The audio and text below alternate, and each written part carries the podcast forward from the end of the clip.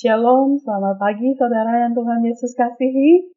Senang sekali kembali pagi hari ini saya dapat menyapa Anda lewat renungan kristalku.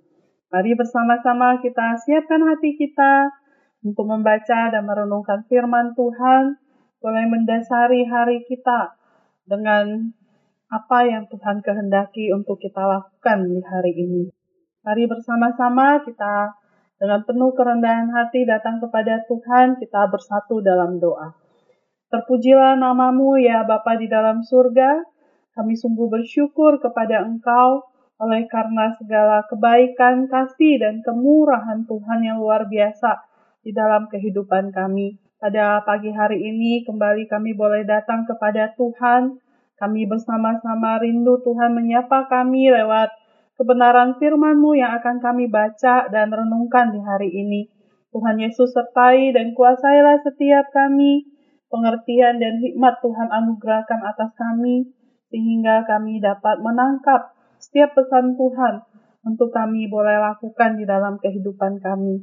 Kami serahkan waktu ini ke dalam tangan-Mu. Demi nama Tuhan Yesus kami sudah berdoa dan mengucap syukur. Amin. Saudara, pembacaan firman Tuhan pada hari ini dari surat 1 Yohanes pasalnya yang pertama, ayat yang kelima hingga ayatnya yang ke-10. Demikian firman Tuhan. Dan inilah berita yang telah kami dengar dari dia dan yang kami sampaikan kepada kamu. Allah adalah terang dan di dalam dia sama sekali tidak ada kegelapan.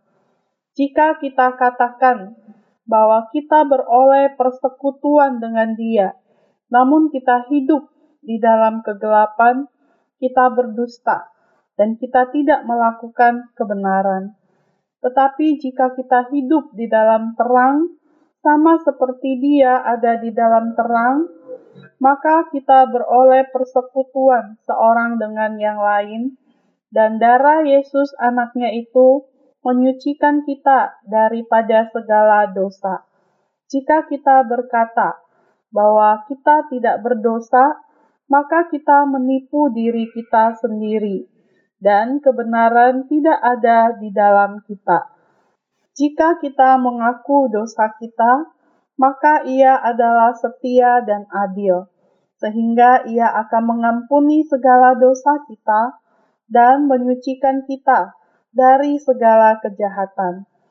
Jika kita berkata bahwa kita tidak ada berbuat dosa, maka kita membuat dia menjadi pendusta dan firman-Nya tidak ada di dalam kita. Saudara yang Tuhan Yesus kasihi, sampai sejauh demikian pembacaan firman Tuhan.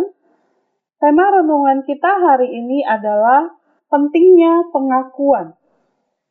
Dalam suatu perjalanan, polisi menghentikan sepeda motor seorang pengendara. Merasa semua perlengkapan dan dokumen berkendara lengkap, maka si pengendara itu bersikap tenang saja.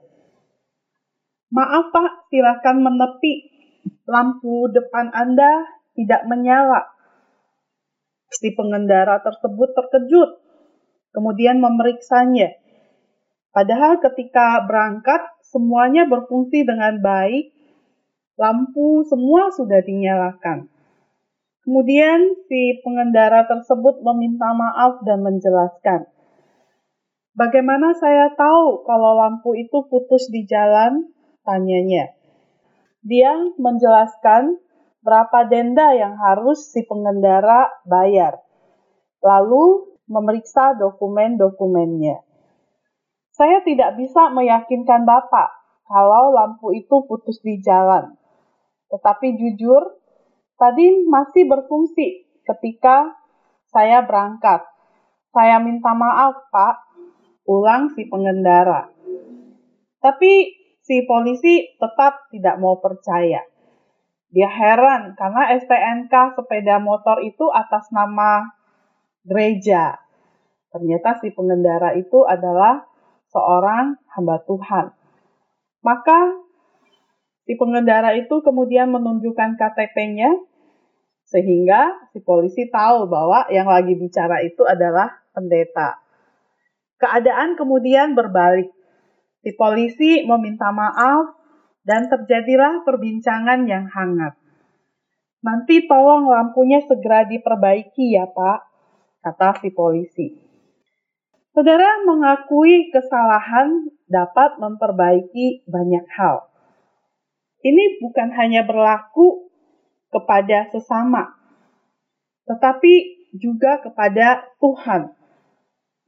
Tuhan mensyaratkannya bagi kita sebagai anak-anaknya. Ada pengakuan, ada pengampunan. Hari ini kita diajak bersama-sama untuk berpikir, memeriksa diri kita, apakah ada dosa yang belum kita akui kepada Tuhan, supaya Ia menyucikan kita, seperti yang firman Tuhan katakan di dalam ayat yang ke-9 yang tadi kita sudah baca. Jika kita mengaku dosa kita, maka ia adalah setia dan adil sehingga ia akan mengampuni segala dosa kita dan menyucikan kita dari segala kejahatan. Saudara yang Tuhan Yesus kasihi, ingatlah, di mana ada pengakuan, di situ ada pengampunan. Mari kita bersama-sama berdoa.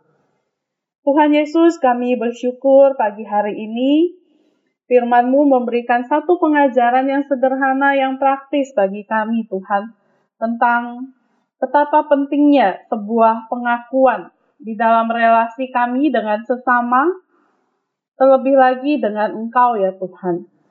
Engkau mau kami menyadari perbuatan-perbuatan kami yang tidak berkenan kepada Engkau dan mengakuinya di hadapan Engkau dan Engkau akan memberikan pengampunan. Demikian juga ketika kami dalam sehari-hari hidup kami di tengah keluarga dalam bermasyarakat, kami pun sering melakukan hal yang salah yang melukai orang lain. Tuhan tolong kami untuk selalu peka dan juga dimampukan untuk mengakui hal-hal yang kami lakukan yang tidak berkenan dan melukai orang lain. Kami rindu Tuhan dengan hal seperti itu kami boleh hidup dalam relasi yang baik dengan sesama, dan boleh menjadi berkat ya Tuhan. Terlebih lagi kami sebagai anak-anakmu boleh menjadi saksi Tuhan yang hidup untuk memberkati orang lain. Terima kasih Tuhan Yesus, kami serahkan kehidupan kami di sepanjang hari ini. Tuntunan dan pemeliharaan Tuhan yang sempurna itu kiranya menyertai setiap langkah kami. Tuhan pimpin berkati anak-anak dalam belajar, Tuhan memberkati Bapak Ibu guru yang memberikan pengajaran. Kiranya Tuhan selalu yang memperlengkapi dengan segala sesuatu yang dibutuhkan, baik yang di dalam diri maupun yang di luar.